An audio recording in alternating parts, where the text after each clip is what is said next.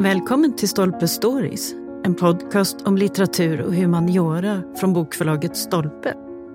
Vår värd för programmet heter Svante Tirén.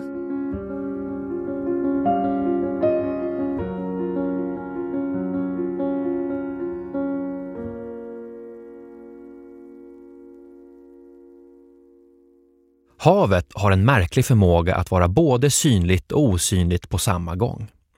Vi vet ju alla att det finns där, men vi tänker kanske inte så mycket på det i vardagslag. Annat var det förr när havet direkt eller indirekt var den självklara kontaktytan. Det var vattnet som länkade samman Sverige med massa nya idéer, händelser, varor och människor. Dessutom så var ju havet skådeplatsen för krig, in och utvandring, stora samhällsförvandlingar och en hel del annat. Men hur får man syn på den här historien idag? Och hur gör man för att greppa havets svåröverblickbara betydelse i våra liv? Det ska vi fråga Leos Müller, en av författarna till boken Havets bildspråk. Han är professor i historia vid Stockholms universitet med särskild inriktning på just maritim historia. Välkommen hit Leos! Tack! Det verkar ju som att hav, det berör ju allt. Hur avgränsar man då maritim historia? Går det? Ja, det är en bra fråga. Det är en svår fråga. Jag som historiker så utgår ifrån hur man såg på maritim eller marin historia tidigare och då uppfattade man det här med maritim historia framförallt som eh, historia om sjökrig, uh, örlogsflottans historia och liknande. Men eh, forskningen kring relationen mellan havet och människan liksom har utvecklats. Så idag är det mycket, mycket bredare. Så idag forskar man om sjömän, sjöfart och så vidare. Så jag skulle nog säga att maritim historia idag handlar helt enkelt om människans relation till havet i historiskt perspektiv. Så egentligen kanske det inte är en avgränsning utan mer en tyngdpunkt, ett perspektiv mera. Är det mm. så man kan ja. eh, beskriva det? Okej. Okay. På tal om det här, det finns två ord här som ofta blandas ihop. Marin och maritim. Kan mm. du kort säga vad, mm. vad är skillnaden? Marin historia i princip är historia om sjökrig eller örlogsflottans historia. Det finns på engelska det här uttrycket naval history. Och det tycker jag liksom på svenska marin historia betyder ungefär samma sak som naval history. Medan maritim historia det är mycket bredare begrepp. Alltså. Den tar upp helt enkelt, som jag sa, alltså allt som har att göra med människans relation till havet. Just det, så korrekt är att säga maritim historia när det handlar om det här helhetsperspektivet. Exakt, helhetsperspektiv. Och marint, då är vi inne på det militära, Exakt. krigiska. Mm. Ja, men det är bra. Du är en av författarna till den här boken Havets bildspråk som handlar om galjonsfigurer och andra sätt att gestalta fartyg genom tiderna. Och där skriver du en text om just historiemedvetandet, det här med mm. havet och hur vi ser på den här långa, långa historien. Och du konstaterar att det är en motsägelsefull relation vi har till havet. Kan du berätta? Mm, men det är just det här synliga och osynliga som du redan berörde precis när du liksom inledde att havet spelar central roll i hur, inte minst Sverige, för Sverige är en halv ö och då, det betyder liksom att Sverige helt enkelt är beroende av förbindelserna över vatten på alla, alla möjliga sätt. Men det finns också det osynliga, alltså att vi är inte riktigt medvetna om att havet finns där och att det spelar just den här viktiga roll i ekonomiska förbindelser i utrikeshandel. Men jag tycker inte minst nu med krisen i, i Ukraina och liksom mm. Rysslands aggressivitet att man inte riktigt uppfattat tidigare Östersjön som en gräns mot en aggressiv granne. Ja. Och nu blir det tydligt, nu blir det sinnligt. Ja. Så det här synliga osynliga tycker jag ligger framför allt i det motsägelsefulla. Idag så hör man ju ofta om det här med nya vrak och häftiga grejer som man bärgar nu för det finns ju ny teknik och annat som, mm. som gör att man hittar otroligt mycket mer än tidigare. Men det här med sensationella vrakfynd, överskuggar det ibland den här mer komplexa historien om havet? Är det så att vi fokuserar på föremål mer än historia? Ja, det tycker jag. Alltså från vårt perspektiv som historiker, arkeologer, som forskare så jag tror att då finns det inte den här faran, för vi är nog ganska väl medvetna om den här komplexiteten och inte minst de, de möjligheter man har idag just att kombinera exempelvis arkeologiska fynd och historiska källor för att få komplex bild av vad som faktiskt hänt. Däremot i det allmänna medvetandet så det blir väldigt mycket fokus på skatter på havets botten. Ja. Så istället för att lyfta fram det vardagliga, det som vardagsföremål kan säga om livet på ja, 1500-1600-talet så blir det väldigt mycket fokus på ah, vad är det här värt eller vad kan det betyda liksom, utifrån något slags skatteperspektiv. Ja. Så ja, det tycker jag är eh, i viss mån problematiskt. Men samtidigt, jag ser inte det här som ett problem för oss forskare. Ja, vi är nog ganska väl medvetna om det. Ja.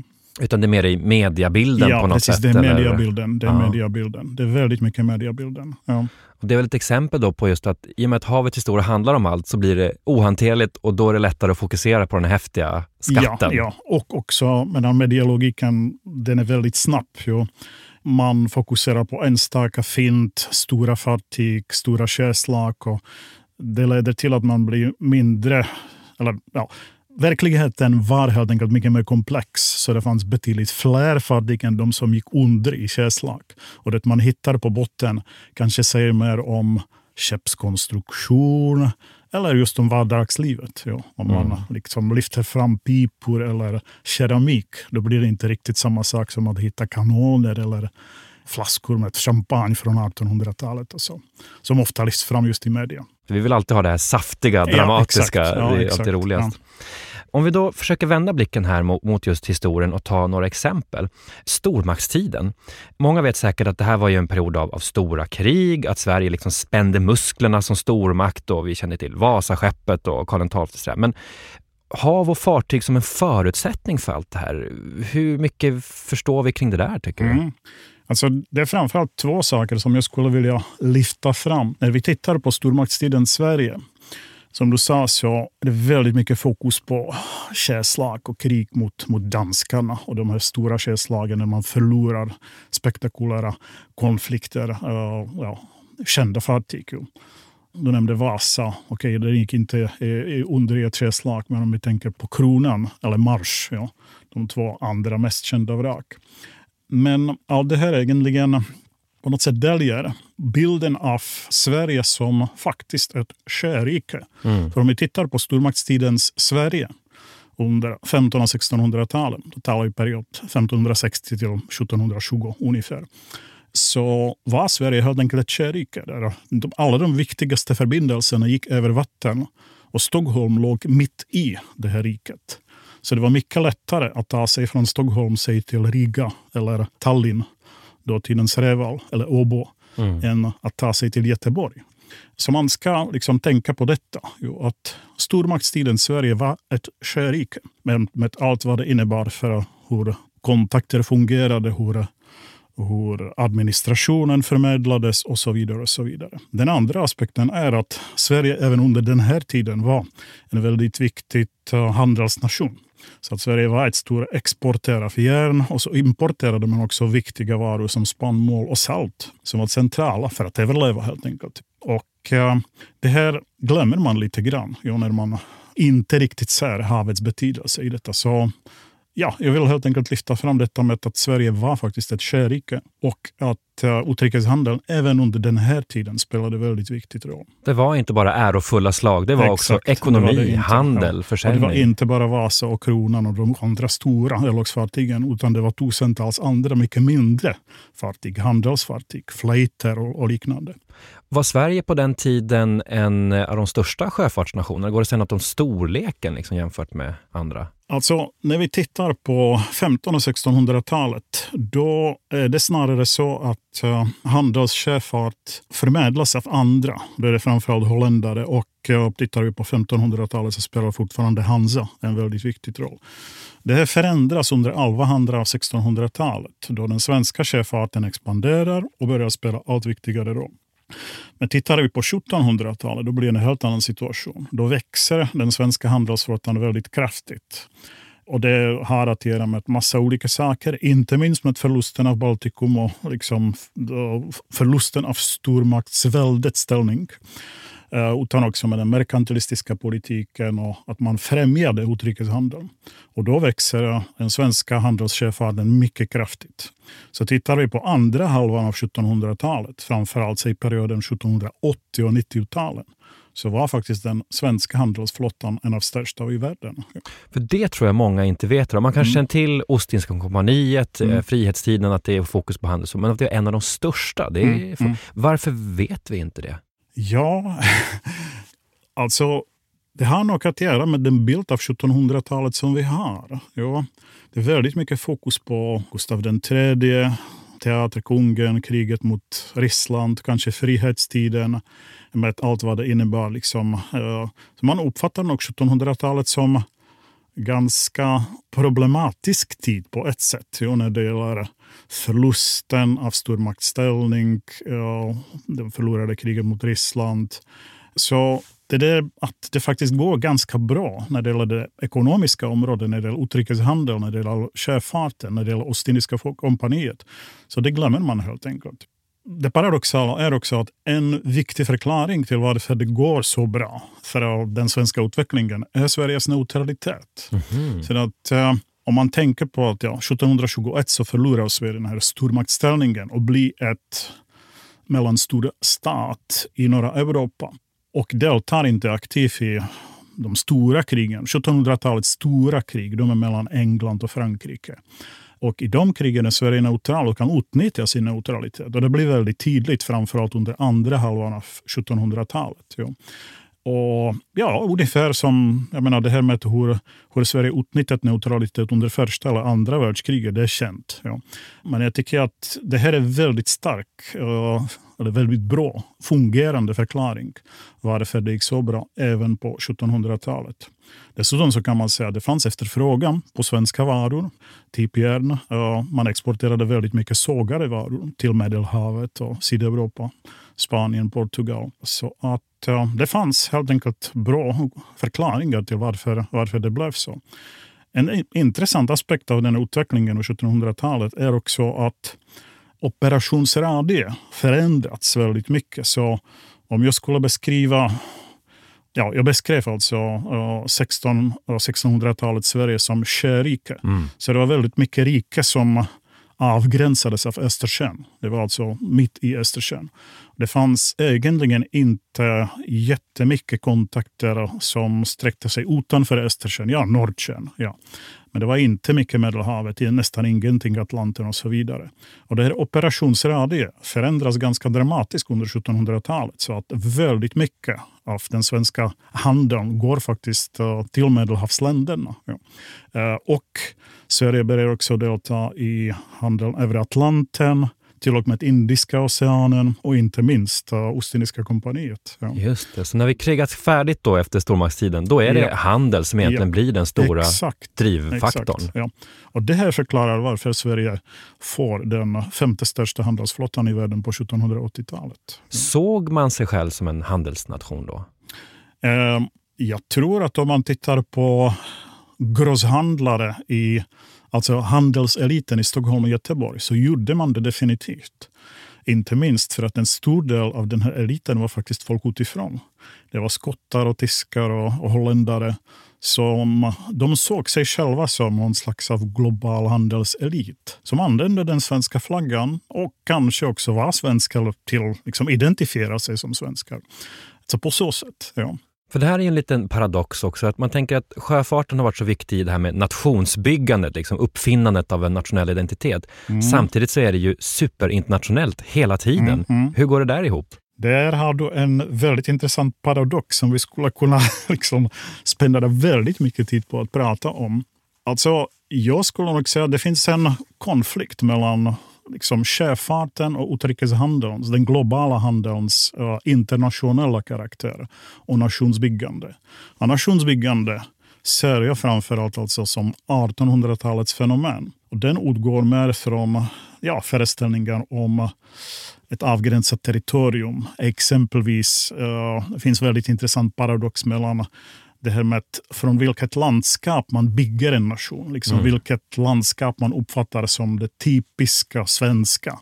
Och det är inte något uh, kustlandskap. Det är inte Roslagen eller Bohuslän. Det är inte Göteborg eller Stockholm. Vad vänder man sig till? Jo, till Dalarna som inte har någon, några länkar med, med havet. Ja. Så det finns en konflikt mellan det nationella uh, den nationella identitet, hur den skapas och, och det internationella. Så man kan säga att havet och sjöfarten, det är där så att säga, strukturen skapas, det är där kontakterna skapas, hela det, det så att säga, i mm. ramarna. Mm. Mm. Men sen när man ska uppfinna en bild av det hela, ja. då vänder man sig till Inåt. det som inte mm. är havsnära. Ja, mm. så skulle jag säga. Ja. Men om man tänker då 1800-talet, då pratar man ju ofta om järnvägen som ju mm. förstås var väldigt revolutionerande. Eh, vi känner till ångan och industrialisering och så vidare. Men är det här ett århundrade där vi så att säga börjar titta mindre på sjöfart, trots att den ju också är, är viktig? Mm. Det är också på många sätt alltså komplex fråga.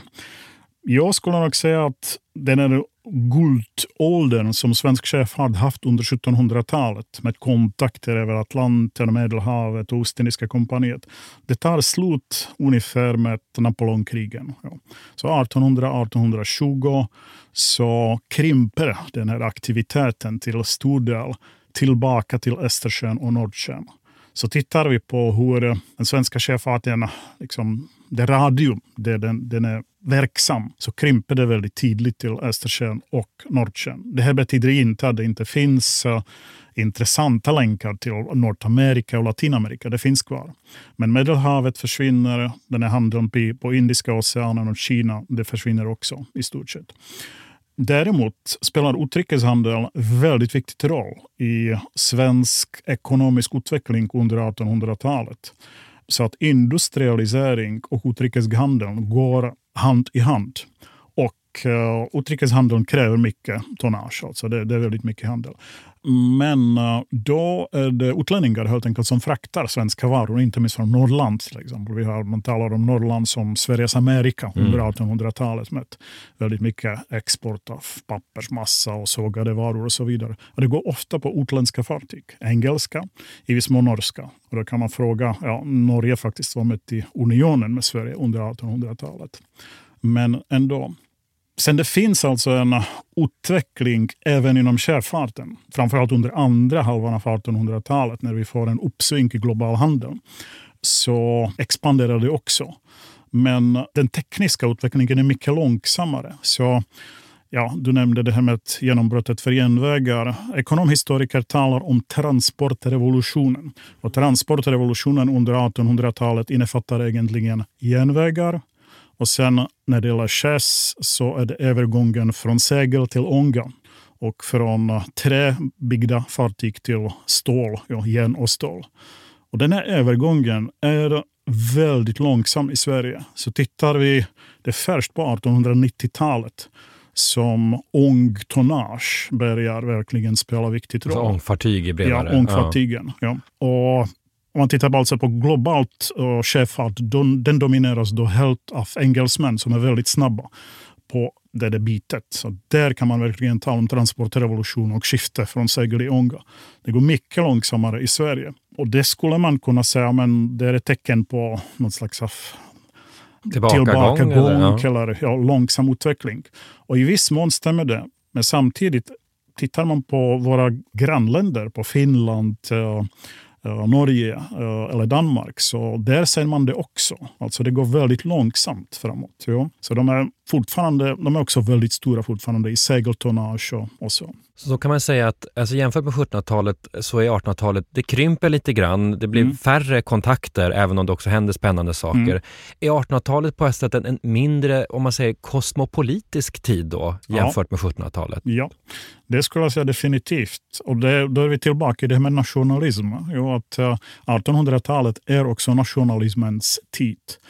Och Eh, nationalismen funkar inte riktigt ihop med kosmopolitanism. Ja. Så det blir en återgång liksom till det nationella och eh, ja, det funkar helt enkelt inte riktigt ihop med den kosmopolitiska sjöfarten. Samtidigt, och det är det paradoxala, alltså, Göteborg växer som en oerhört viktig sjöfartsstad.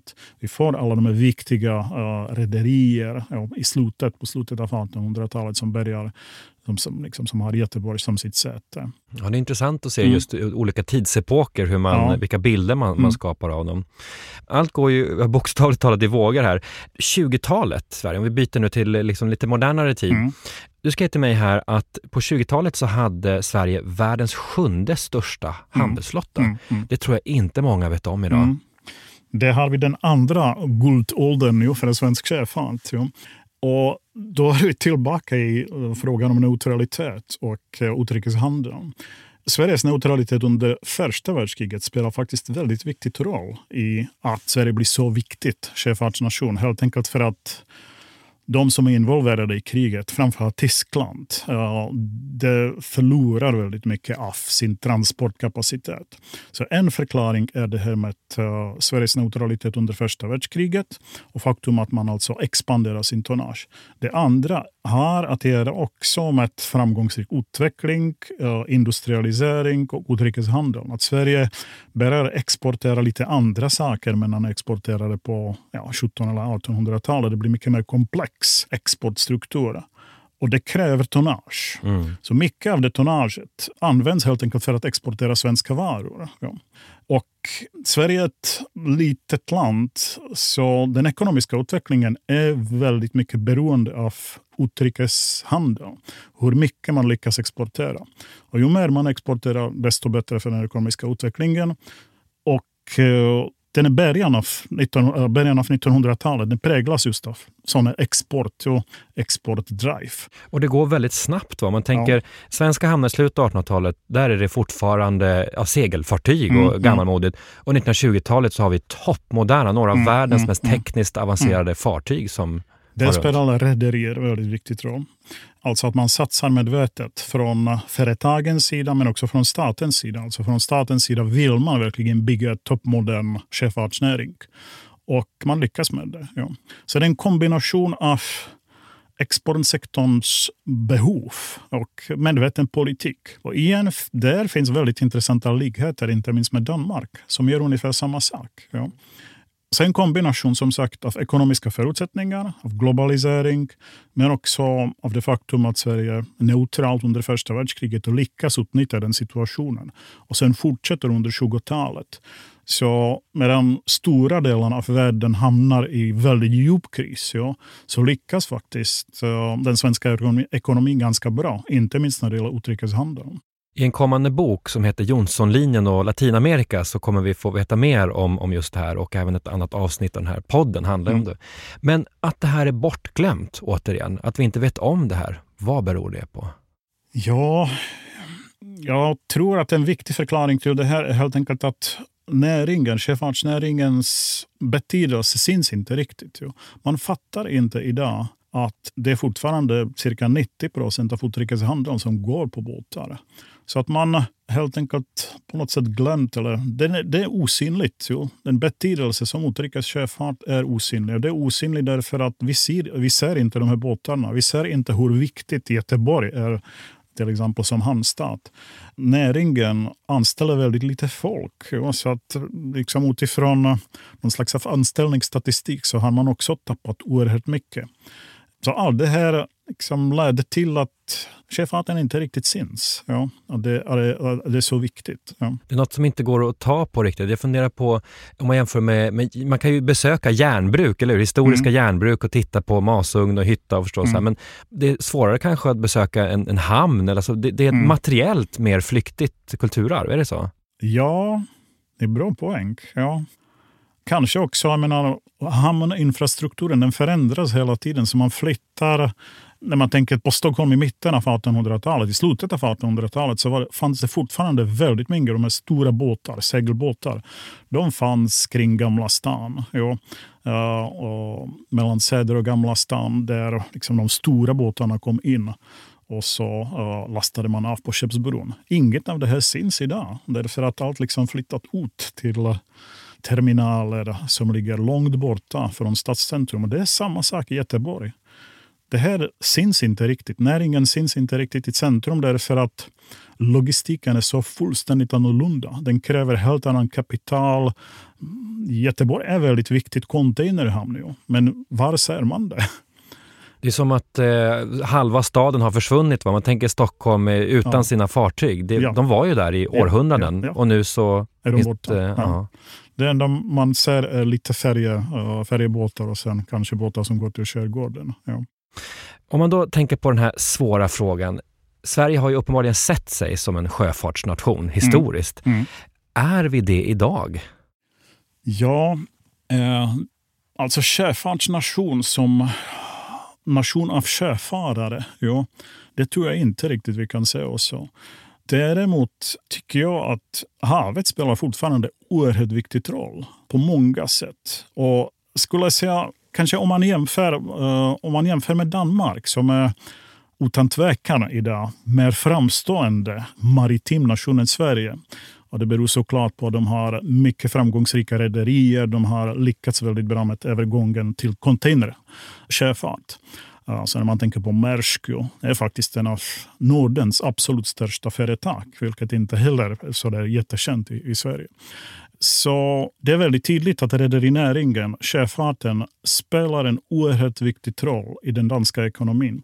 Men kan man beskriva Danmark fortfarande som sjöfartsnation när nästan alla anställda kommer från andra länder, från Filippinerna, Bangladesh och så vidare. Och när det behövs så få sjömän på de här moderna, mycket effektiva fartyg, ja, containerfartyg, oljetankers och så vidare. Så det är lite samma sak med Sverige. Vi har några framgångsrika rederier fortfarande. När man tänker på Stena, det, det är fortfarande väldigt framgångsrika rederier. Både när det gäller persontrafik, alltså serie, eh, färjedelen, men också när det gäller bulktransport och olja. Så de är fortfarande väldigt stora. Men uh, det syns inte alls i media. Det syns inte alls i den ekonomiska politiken. Man uppfattar det här som inte särskilt viktigt och därför är det så få människor som är anställda och det syns inte hur viktigt det är. Vad tycker du vi ska göra nu? För att du menar, nu lever ju den sista generationen som i större skala arbetade på havet. Jag tänker på mm. de sjömän och andra som jobbade mm. 50-60 in på 70-talet. Sådär. Snart finns ju de inte kvar. Vad är det för frågor vi borde ställa nu för att förstå mer? Ja, det skulle vara såklart väldigt bra om man kunde fånga de här människorna och ställa, liksom, intervjua dem, bevara det de vet. Ju.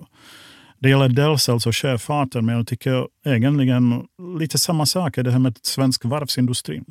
Den var oerhört stor fram till på 70-talet, Europas ledande. Och uh, det är i stort sett borta idag. Jo, som de stora varven i Malmö och uh, Göteborg omvandlas nu till bostadsområde. Så att, det finns mycket man kan göra när, när det gäller historien kring den maritima sektorns roll i Sverige. Ja. Vi har ju ganska många museer i Sverige som mm. bevarar maritimt och marint och kulturarv mm. på mm. olika sätt. Har de tillräcklig synlighet? Är, de, är vi med dem så att säga i, i den stora historiemedvetandet? Mm. Jag skulle nog säga att när det gäller museisektorn så vi har i Sverige flera olika nivåer. Vi har å ena sidan de riktigt stora nationella museerna som eh, Vasamuseet, som uh, Sjöhistoriska museet i Stockholm, det nya Vrak mm. som öppnades i höstas. Vi har Marinmuseum i Karlskrona. Och de tycker jag får tillräckligt mycket uppmärksamhet. Och, uh, där tycker jag finns alltså både intresse från statens sida, det finns resurser och väldigt mycket spännande görs. Sen en helt annan nivå är de små lokala museer som drivs av eh, entusiaster. Ja. Så där finns inte några resurser riktigt. Men det finns en oerhört stark lokal intresse för det maritima. Så tittar man på små fiskehamnar, små Eh, hamnar sig i Roslagen eller i Bohuslän. Det finns ett otroligt starkt lokal historiskt intresse. Så där gör man väldigt mycket spännande arbete kring det maritimas betydelse och eh, maritim identitet. Men det är lokalt, det är internationellt. Så där missar man det komplexa, det, liksom den roll som den maritima sektorn spelat för Sverige som helhet och inte minst det som jag tycker själv är mest spännande, de här uh, internationella länkarna. Mm. Men det, här, det kan man faktiskt visa även när man tittar på de här väldigt små lokala intressen och arbete som alltså ligger på lokal nivå. Men det lyckas man inte riktigt. Så att jag skulle nog säga att det, det mest spännande för framtiden kan vara liksom att få de här två delarna av det maritima kulturarvet ihop. En till bra lärdom det där med att eh, det inte bara är stora museer som man hittar den här historien, utan det kan vara på lokal nivå, i små föreningar och fragment till och med. Ja, då. det finns, de finns otroligt många sådana här museer. Mm. Om vi nu vis av historien försöker titta lite i spåkulan. Det som om jag förstår rätt, och präglar oss nu, det är ju en väldig distans till havet, eller hur? Det blir mer osynligt, mer, mer svårt mm. att nå. Kommer det fortsätta så nu när vi kommer in i klimatkrisens tid och digitala revolutionen? Vad, vad tror mm. du, hur kommer det här utvecklas? Alltså, för det första så kommer nog havet fortsätta att spela väldigt viktig roll som transportlänk, inte minst för Sverige. För ja, helt, helt enkelt, Sverige är fortfarande halvö och det, liksom det blir så, det förblir så. Och viss mån så kanske kan järnvägar landsvägen via Danmark förändra detta. Eh, men jag tror att i det stora så blir det nog ungefär samma. Så även om 100 eller 200 år så kommer nog Göteborg fortfarande vara väldigt, väldigt viktigt uh, hamn med allt vad det innebär. Uh, kan man göra sjöfarten mer klimatvänlig?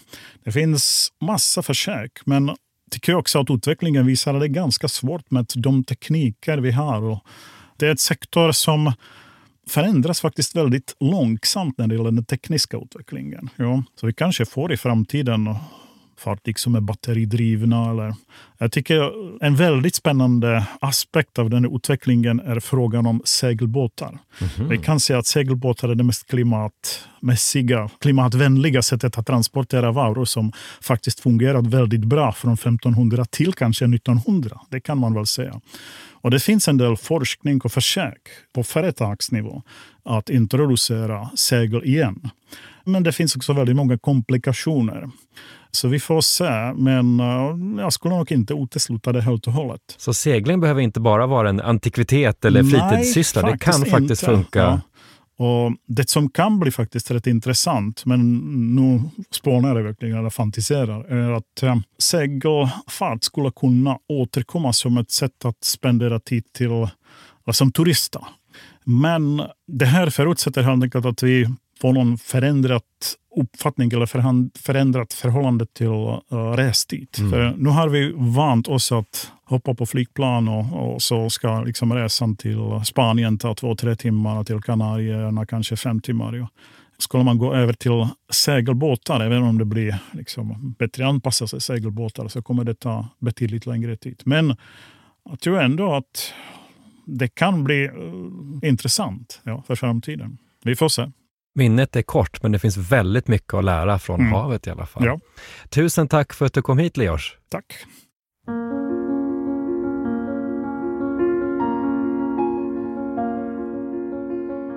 Tack för att du har lyssnat på Stolpe Stories.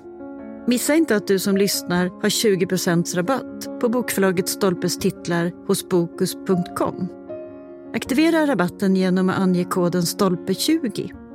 Och för att lyssna på fler avsnitt Följ oss där poddar finns och på sociala medier.